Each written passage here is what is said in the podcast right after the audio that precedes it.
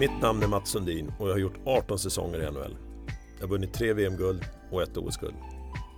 Jag har också varit lagkapten både för Toronto Maple Leafs och Tre Kronor.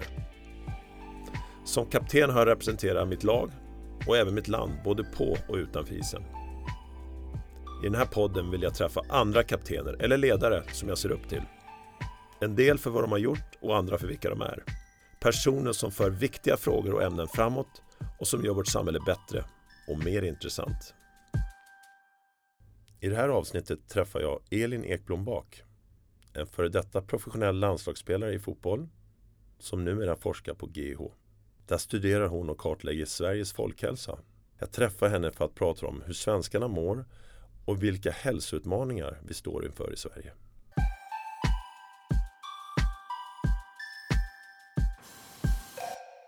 Välkommen hit Elin!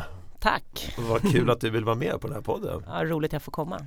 Berätta, vad, vad gör du nu? Vad jobbar du med? Och... I dagsläget så hänger jag uppe på Gymnastik och idrottshögskolan i Stockholm där jag är nybliven docent vilket innebär att man får forska och man får undervisa för våra studenter.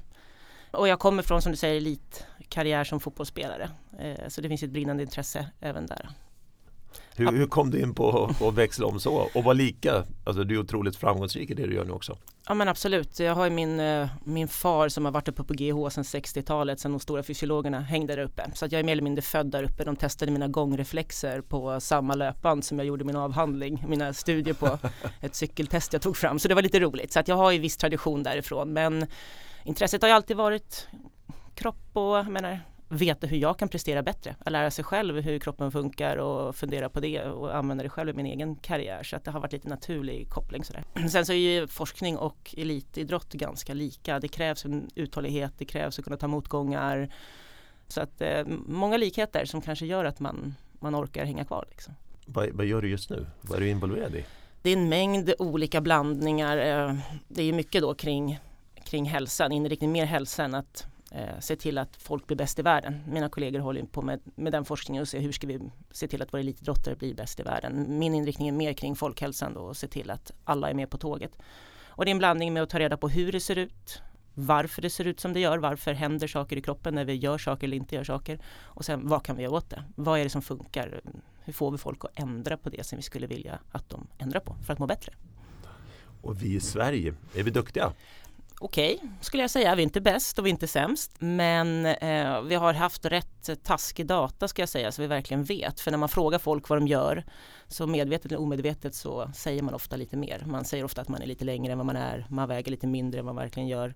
Man rör sig lite mer än vad man faktiskt gör. Så att det är kanske först på senare tid vi har kunnat verkligen mäta vad folk gör och hur bra kondition till exempel de har. Och, och där är det där och det skiljer ganska mycket mellan olika grupper i, i samhället. De som är mest välutbildade kanske är de och de som har bäst förutsättningar är de som kanske egentligen mår bäst jämfört med de som är den andra sidan av spannet och där är en otroligt het potatis, potatis vad det gäller folkhälsan, alltså den socioekonomiska skillnaderna i samhället där klyftan nog skulle jag säga blir ett stort problem framöver om vi inte gör någonting nu. Och, och du menar att det, det, är även så rent eh, fysiologiskt, alltså att kondition och att man mår bra också hänger ihop med det socioekonomiska? Absolut, av många, många olika anledningar. Både vad gäller förutsättningar till en god hälsa men att faktiskt man inte riktigt har koll. Och inte för att man är dum utan för att det är annat som pockar på helt enkelt. Jättestor utmaning att man ser till att de som behöver allra mest nås. Att det inte bara är de som redan är frälsta som blir kanske lite mer aktiva eller lite mer hälsosamma utan de som verkligen behöver det. Det är där de stora insatserna egentligen behövs. Mm. För att se till att folkhälsan blir bättre. För det handlar om att alla grupper, alla i hela samhället ska må lite bättre. Jag tycker det här är ett så spännande område. Vi pratar ju ofta om kondition när man pratar om vår förmåga för hjärta, lungor och syreupptagning. Och så pratar man om att vara fysiskt inaktiv. Och det här är ju är liksom inte samma sak riktigt. Beskriv. Nej men samhället har ju förändrats de senaste, det kan vi bara ta i hand på eller eh, bestämma oss här och nu att det ser annorlunda ut än när du och jag var barn. Man ja. gick ut och lirade boll på gatan och det handlade, man fick ju titta någon timme här och var på tv och mm. eh, med mera, med mera. Så samhället idag är otroligt mer komplext, det vill säga att när man för 20-30 år sedan alla mer eller mindre rörde, rörde sig i någon utsträckning i vardagen för att det skulle gå ihop. Det var inte så att man blev skjutsad dit man skulle utan man tog cykeln eller gick. Arbetena krävde lite man och kvinnokraft. Till idag att de flesta tekniska lösningar gör att vi inte behöver röra oss alls. Vi kan ju klicka på paddan så får vi hem maten. Vi behöver möjligtvis gå och öppna dörren och ta emot matleveranser. Vi behöver inte ens veva ner rutan. Vi behöver inte ens byta kanal på tvn. Ja, du förstår. Så att vi har byggt ja. ett samhälle som gör att vi är otroligt inaktiva. Men samtidigt finns det vissa grupper som rör sig väldigt mycket så det är otrolig spridning vilket gör att folk kan ha väldigt bra kondition men under 13-14 timmar om dagen så sitter de ner för att de har ett sådant arbete eller att de åker bil. Eh, men så finns det de som inte sitter någonting alls men har jättedålig kondition. Så de här olika delarna av rörelsen, vad vi gör och vår kondition ser ut är mer komplex idag. Så, och då mm. har forskningen börjat bena det där och sett att ja men titta här, eh, du kanske rör dig lite men du sitter mycket, då är sittandet en fara. Jaha, du har en god kondition men du sitter väldigt mycket, ja då kanske sittandet trots allt är en fara. Alltså det blir en mer komplexitet i och det är där vi måste ja. börja grotta. Sittandet i sig kanske är en riskfaktor medan ja. kondition och att träna är en friskfaktor och att man måste tänka på båda. Ja. Eller som jag brukar säga den här som kommer emellan, den här vardagliga aktiviteten, det vi gör utan att egentligen tänka på att vi rör oss. Mm. Det som jag gjorde nu när jag tog firmacykeln ner från GH, rullade ner för Sturegatan och hit ner till till Skeppsbron eh, för den här eh, poddinspelningen. Ja det är ju vardagsmotion, det är inte så att jag tänker att jag byter om och tränar utan jag sätter mig på cykeln och, och i maklig takt rullar ner här och, och, och, kommer hit. Och skulle någon fråga mig så registrerar inte jag det som träning utan som vardaglig rörelse. Gemene man förstår inte riktigt, det är sånt brus där ute idag i eh, alla kommunikationskanaler om att vi ska träna och jag, jag tror varenda svensk så vet de jo men träna i, det är säkert bra, det är nog nyttigt men det kanske inte är någonting för mig. När de facto det viktigaste är ju precis som du säger vardagsmotionen och att där finns det ett jättebehov av information och kommunicera ut det till människor. Det handlar egentligen inte om att vi måste gå och träna i gymmet och göra det tre, fyra, fem dagar i veckan utan att vi ska bli fysiskt aktiva, att komma igång och med precis som du säger cykla och ta trappen och vardagsmotionen och få den här inblicken att det är det som gör också att det är hälsosamt. Ja men det har, det har du alldeles rätt i och jag brukar ibland inleda mina föredrag med ett par eh, löpsedlar eller par, par, headlines från tidningsrubrikerna där jag kan förstå att folk blir förvirrade. För å ena sidan står det ditt fyra sätt ditt sittande jobb dödar dig eller så är det någon sån där eh, eh idoldeltagare som har rört sig mindre, gick ner mer i vikt. Alltså, jag förstår att det är förvirrande. Eh, och en, en av delarna i det här det är ju att vad det gäller den vardagliga aktiviteten så är det ju egentligen ingen som tjänar pengar på dig. Alltså mycket drivs av det kommersiella. Ingen tjänar pengar på att du tar cykeln ner eller går ut och går eller utan det, som, det budskapet som sänds det är att du ska gå till rätt ställe med rätt grejer med rätt tränare och helst kunna ta den bästa mm, sociala media-fotot för att det ska räknas helt enkelt. Och då blir det andra helt enkelt någonting som, som inte betyder någonting. Vilket är precis helt fel för kroppen är skapt att röra på sig och den bryr sig faktiskt inte alls var, när, hur den rör på sig utan att den får röra på sig. Det är förbjudet enkelt. Mm. Det du nämnde här om det här stillasittandet, den här fysiska inaktiviteten kopplad, tror du, till, till när de här fantastiska mobiltelefonerna, iPads uh, har kommit. Är det en stor del av att vi har blivit mer stillasittande tror du? Eller finns det också större saker såklart som har påverkat det? Det finns förmodligen andra saker och samhället ser annorlunda ut idag och eh, jag brukar ofta säga att det vi gör idag är ett ganska normalt beteende i en onormal miljö. Så det vill säga vi har format vårt samhälle så att vi egentligen inte behöver röra oss. Däremot så finner många idag, framförallt unga, även min, min lilla två och treåring skriker efter paddan, ska kolla där. Men när man erbjuder annat, ska vi gå ut och leka, ska vi gå ut och kicka boll eller hoppa studsmatta så är det minst lika roligt. Så att det finns kickar i den här telefonen hos ungdomarna. Min 15-åring hon är ju helt fast i den där om man nu tittar på spannet eh, av vad de, vad de sitter med där. Men, men, jag tror att ja, det finns kickar där som man finner och att man funnit intresse som absolut ersätter att vi inte rör på oss. Men däremot får vi inte glömma bort att jag tror att, att om många föräldrar utan att ge dem skuld skulle vara lite mer närvarande och erbjuda sin tid lite mer till sina barn. Att just säga det här, ja men du, ja men kika en timme på paddan och vila lite men sen kan vi ta en promenad hit. Då skulle man kunna eh, byta ut mycket av den tiden mot att de faktiskt rör på sig barnen. För att barn gillar att göra saker, framförallt tillsammans med sina föräldrar. Men som sagt, vi har en ganska onormal miljö, både fysiskt och psykiskt. En, en stressad miljö där vi ska hinna med allting. Så att, att vara den perfekta föräldern också, att hinna gå ut med sina barn och leka ett par timmar är, är svårt, förstår jag. Jag brukar ofta få frågan vilken är den pe perfekta interventionen? Det vill säga intervention är alltså hur man förändrar någonting, man gör en insats för att se till att folk förändrar något beteende som man skulle, och i det här fallet att röra sig mer.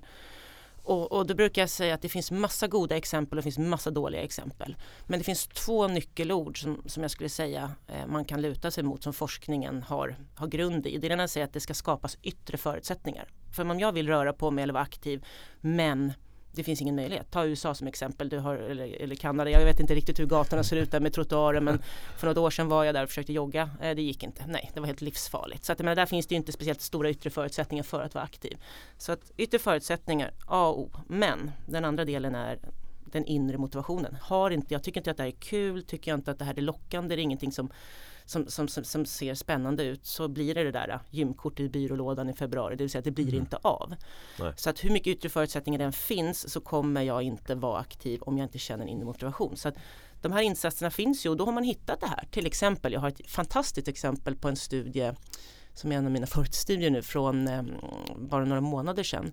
Ett koncept där man försökte få, om du tänker dig, jag är stor Tottenham-supporter så vi åker ofta till London, dricker öl och kollar fotboll. Tottenham, det är mitt lag också. jag vet, jag kände på mig det. eh, men då sitter de här gubbarna med rund mage, med, med klubbemblemet på bröstet och tar ett par bira innan matchen. Och, och den här målgruppen skulle man nå. Och då, tänk, då, tänkte jag när jag såg de här, okej, okay, hur ska det här gå till? Eh, det är ju inte frugan som kommer stå där liksom och säga att nu ska du röra på dig mer, må bättre, äta bättre. Så vad gjorde de? Jo, eh, det här var ett, ett koncept så de engagerade i det här fallet 15 toppklubbar i Europa.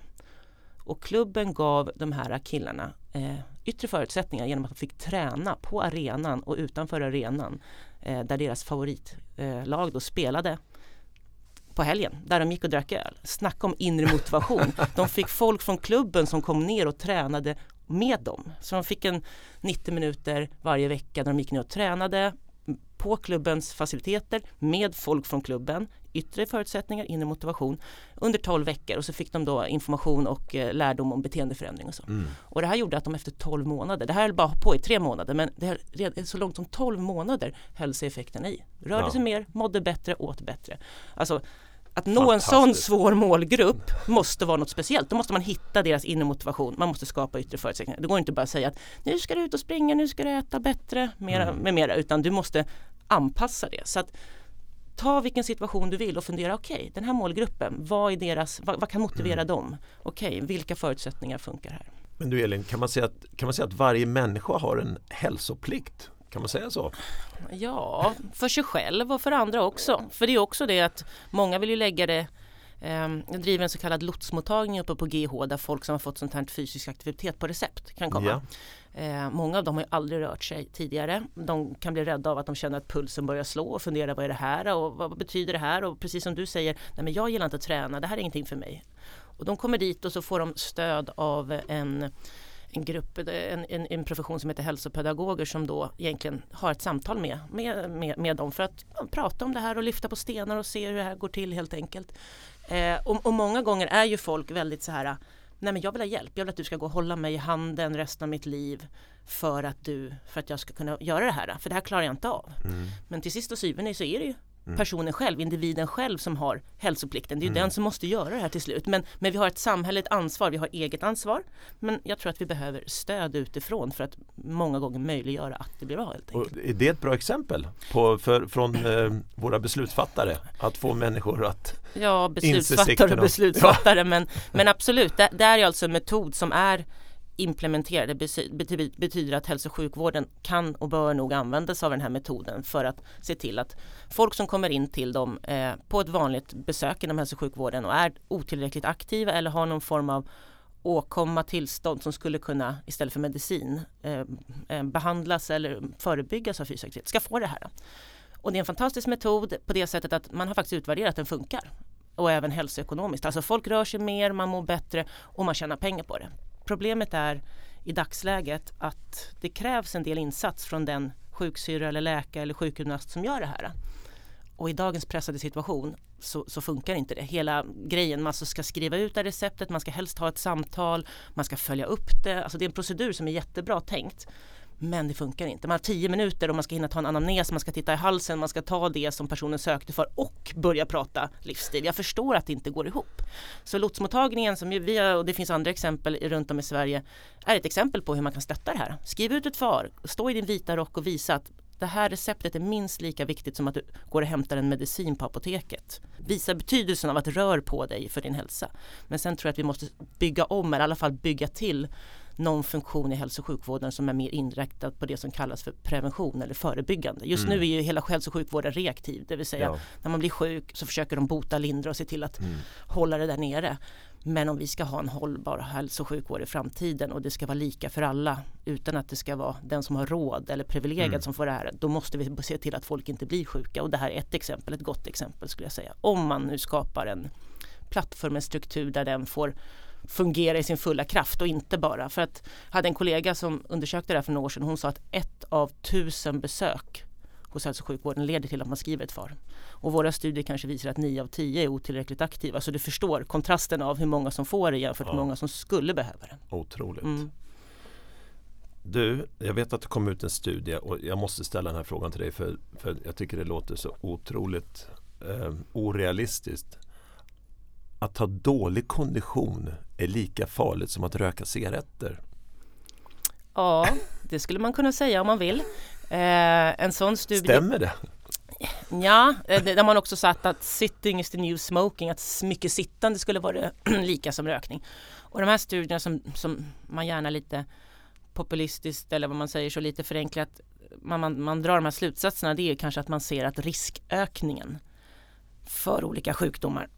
man talar ju om att risken är en, två gånger så stor eller tre gånger eller fyra gånger så stor hos den som röker och den som har dålig kondition eller den som sitter mycket. Så där försöker man dra den. Jag menar de fysiologiska effekterna, alltså vad som händer i kroppen vid rökning är ju ganska skilt. Det som händer när man har dålig kondition. Men det är minst lika farligt, kanske kan man säga. Och då kan jag ju säga då att eh, till exempel vi publicerade en studie för några månader sedan där vi såg att i en, en stor grupp av den arbetsföra befolkningen så kanske så många som nästan hälften hade en taskig kondis. Eh, och kanske i nya siffror 7-8 procent av den svenska befolkningen röker. Så att man får väga då om risken är lika stor. Vilket problem måste vi kanske mest ta tag i? Är det att få folk att röra sig där kanske hälften av befolkningen är berörd? Eller är det 7-8 procent som visst då röker och utsätter andra för passiv rökning men jag skulle säga att problemet är ju större här. Och, och, um, och, där har vi ett jättestort problem idag för att det kom ut en debattartikel idag också från Generation Pep som, som belyste det här lite hos ungdomar och, och de trycker också på det här att i Sverige har vi fyra levnadsvanor vi fokuserar främst på. Det är fysisk aktivitet, matvanor, rökning och alkohol. För rökning och alkohol finns det tydliga nationella strategier. Så här ska vi jobba. Det är väldigt sådär uh, tydligt. Fysisk aktivitet och mat finns ingenting hur fasiken ska vi göra någonting åt det här om vi inte ens vet att vi får göra någonting åt det eller hur vi ska göra någonting åt det. Då kan vi liksom inte pinpointa det. Så, eh, jättebra att vi försöker få nolltolerans vad gäller rökning men om vi har halva befolkningen eller mer som kanske skulle behöva röra på sig mer.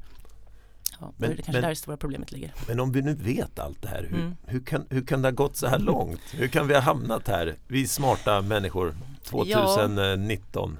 Ja, ja en, del, en del vet vi, ja. Men du, du, vi nämnde det tidigare också, det är rätt förvirrande budskap nu när det är många olika sändare.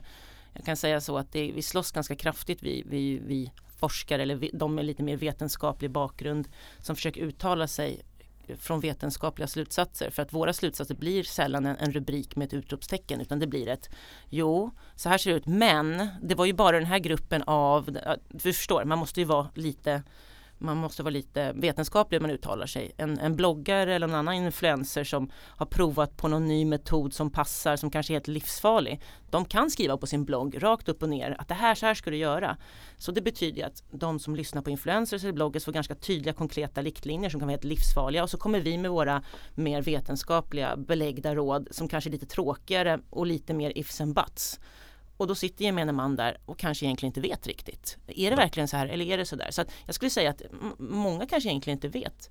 Eh, och sen skulle jag säga att eh, klyftan har ökat eh, och förutsättningarna då för att göra hälsosamma val eller att kunna vara aktiv eh, eller att kunna köpa den hälsosamma maten eller att inte behöva stressa psykisk ohälsa har ju splittat upp sig nya siffror från Folkhälsomyndigheten, återigen att vi ser oss som det hälsosamma folket, har visat på en stadig uppgång i förväntad livslängd hos både män och kvinnor. Men de senaste åren har en grupp i samhället börjat peka neråt, alltså livslängden har minskat och det är de med lägst utbildning, alltså de med sämst förutsättningar. Så det har liksom, även inte bara att de har sämre förutsättningar, det har också gett avtryck i hur länge de den gruppen, de personer som finns där lever i det samhället, det svenska i-landssamhället med välfärd och alla mår bra. Ja, vi Usch. börjar se klyftor helt enkelt. Nej, det är inget bra. Nej. Och om du, om du tänker på all den här smarta tekniken som kommer nu med, med iPads och telefoner och allting och det är stegräknare, mindfulness och det kommer alla möjliga tekniska sätt på att, på att vi ska försöka adressera det här vi pratar om. Alltså fungerar det? Kan vi använda den här eller hur tänker du när vi ser den här vad ska man säga, fantastiska smartare världen och digitaliseringen? Hur kan vi använda den för att göra rätt så att säga mot folkhälsan? Kan man göra det? Ja, alltså för det första ska man veta att det är folk som inte alls vill mäta någonting. De vill inte ha någonting med det här att göra. Och så finns det de som går igång i hundra på det här. Så att man måste också titta på den inre motivationen. Är det här någonting för mig eller inte? Sen finns det många goda exempel. Jag tänker bara på det här, äh, vad heter det nu? Pokémon Go hette det. Ja, herregud, det, det satte ju igång en hel generation här. Det var fan, så på det sättet kan man hitta sådana saker där man kan engagera ungdomarna och barnen ändå med sina telefoner att ut och röra på sig är, är ju ett bra exempel. Men däremot tror jag att, att framtiden är, för att jag tror ändå folk är intresserade av vad man själv håller på med, eh, där man kan få feedback och det visar forskningen också. Att till exempel bär man en mätare eh, vi använder så kallade accelerometrar i, i forskningssammanhang och de finns ju i de flesta smartphones och i andra typer av eh, mätinstrument där man helt enkelt får du svarar inte bara på en fråga vad du har gjort eller du tar inte bara en stegmätare och tar antal steg. Det är väldigt enkelt men här får du alltså en, en finskalig bild av vad du faktiskt har pysslat med från den sekunden du gick upp tills du gick och la dig och då kan du se, få en grafisk feedback. Okej, okay, oj, här sitter jag mycket eller oj, här rörde jag mig mycket. Även negativ och positiv feedback och säga att här gjorde jag ingenting. Den här äh, måndagen, tisdagen, onsdagen, det är verkligen de dagarna jag inte gör någonting. Men oj, titta här, lördag och söndag, för vi vuxna kallas för weekend warriors. Vi, vi gör ju ingenting i veckorna men vi ta i som fan på helgerna. Medan barnen är tvärtom, de rör sig i veckorna, gör ingenting på helgerna. Så att då kan man få en grafisk feedback och det tror jag är jätteviktigt. Så där kan tekniken vara en, en bra grej. Att vi mäter någonting, man ser svart på vitt, jaha så här ser det ut. Och så efter ett par månader så kanske man har tänkt på ja men jag ökar aktiviteten lite här eller jag, jag tar den här promenaden som jag inte tror räknas men oj vad den gav avslag i, i totalen. Att man får den känslan av att man gör något annorlunda, man tror inte att det betyder någonting men man ser sen svart på vitt med den här mätningen att det faktiskt gjorde det.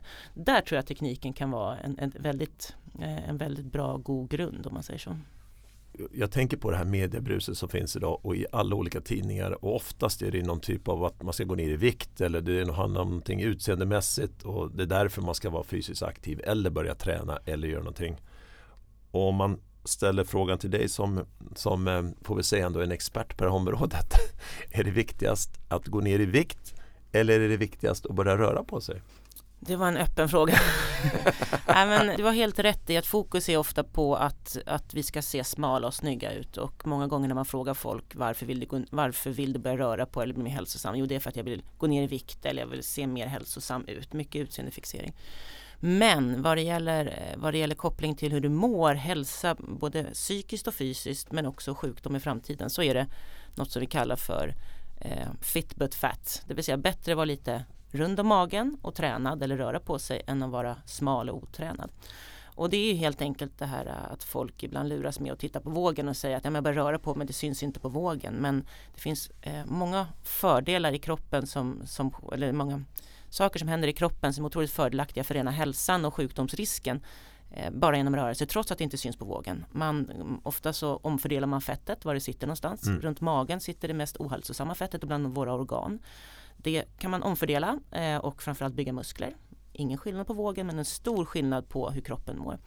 Och sen så andra egentligen, egentligen effekt på alla olika funktioner och eh, riskfaktorer i vår kropp trots att det inte syns på vågen. Så att för alla människor där ute skulle jag säga det lilla att börja röra på sig trots att det inte syns på vågen, trots att man inte går ner i vikt.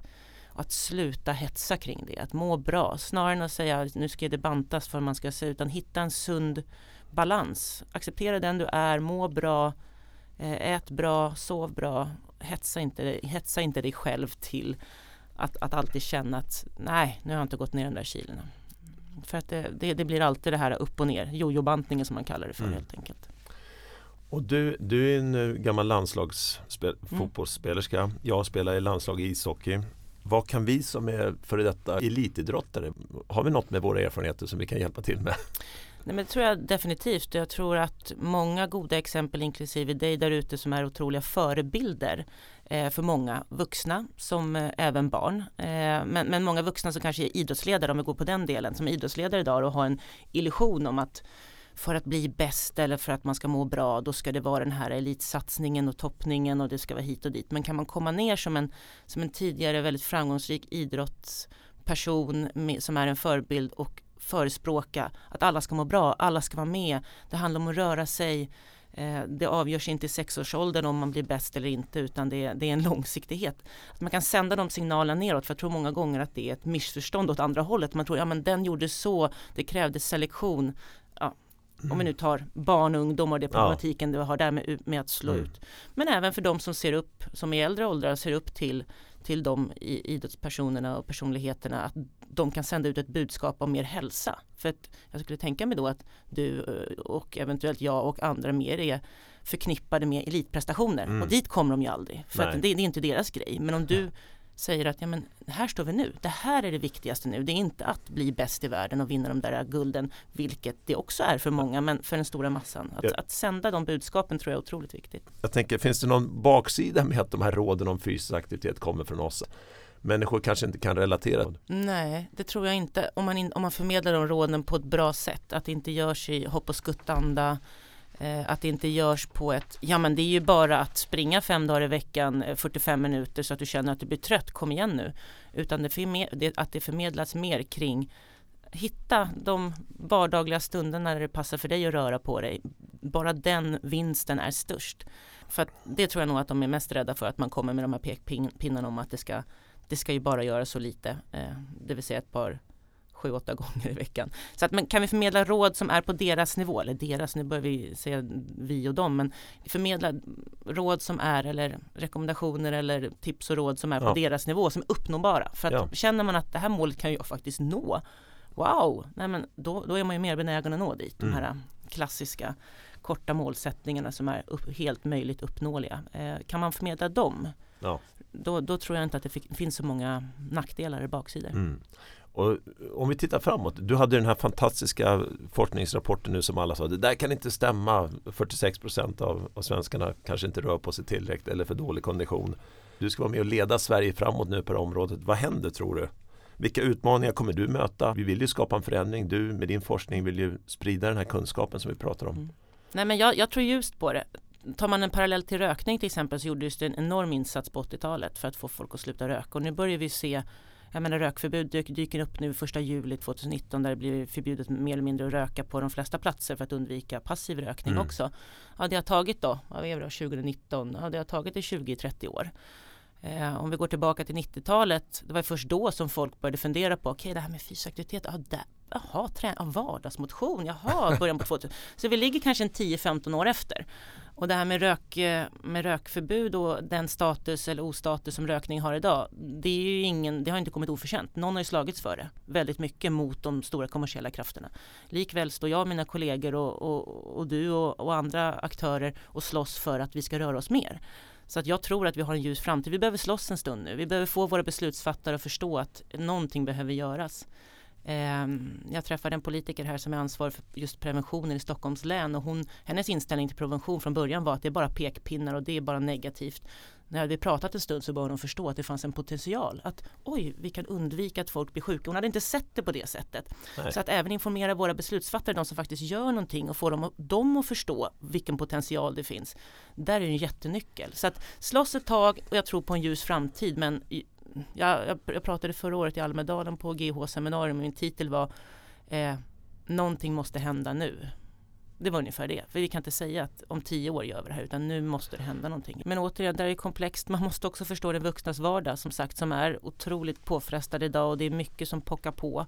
Eh, att vara den perfekta föräldern är ju mycket att begära men, men jag tror om att man kan få en förståelse över att göra någonting tillsammans med sina barn är inte bara att se till att barnet rör på sig att man själv rör på sig utan man får en stund tillsammans. Det är mycket socialt och man kanske knyter familjebanden lite mer. Så att det finns många av de här exemplen. Eh, och att just göra det tillsammans som har visat. Det finns ju en organisation som heter En frisk eh, generation som driver ja. en familjeintervention just. Det är svårt för ett barn att börja röra sig mer eller äta bättre om hela familjen har ett annat mönster. Så där går man faktiskt in i hela familjen och där ser man spännande, bra eh, effekter. Det här görs framförallt mot de som har en, en, en lägre socioekonomisk eh, status som man kallar det med lägre utbildning eller lägre inkomst.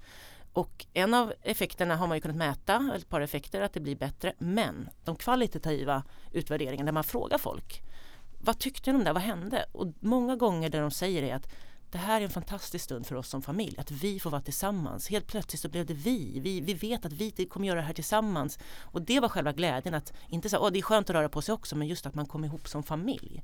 Eh, så att det finns två bitar i det där, både att man mår bättre fysiskt men just det här sammanhållningen, att kanske då se till att man som familj gör saker och ting. Ja. Fantastiskt! Vi följer ditt arbete. Om man är intresserad av att veta mer, vad, vad, kan man följa dig och vad är det som händer härnäst? En massa olika grejer. Det är upp och ner och fram och tillbaka. En, den ena dagen är inte den andra lik. En dag får man privilegiet att sitta här och prata med dig om, om det här spännande området, viktiga området. En annan dag står man framför studenterna som är framtiden som kommer gå ut där och, och förändra det hela i stora massor. Eh, så att nej men det finns mycket att göra och är man intresserad så är det bara att höra av sig. Jag finns på, på GH via mm. mail eller man, något annat. Eh, så att det är bara roligt att höra input och idéer. Stort tack för att du tog dig tid idag Elin. Tack så Super, jättemycket. Superspännande att lyssna.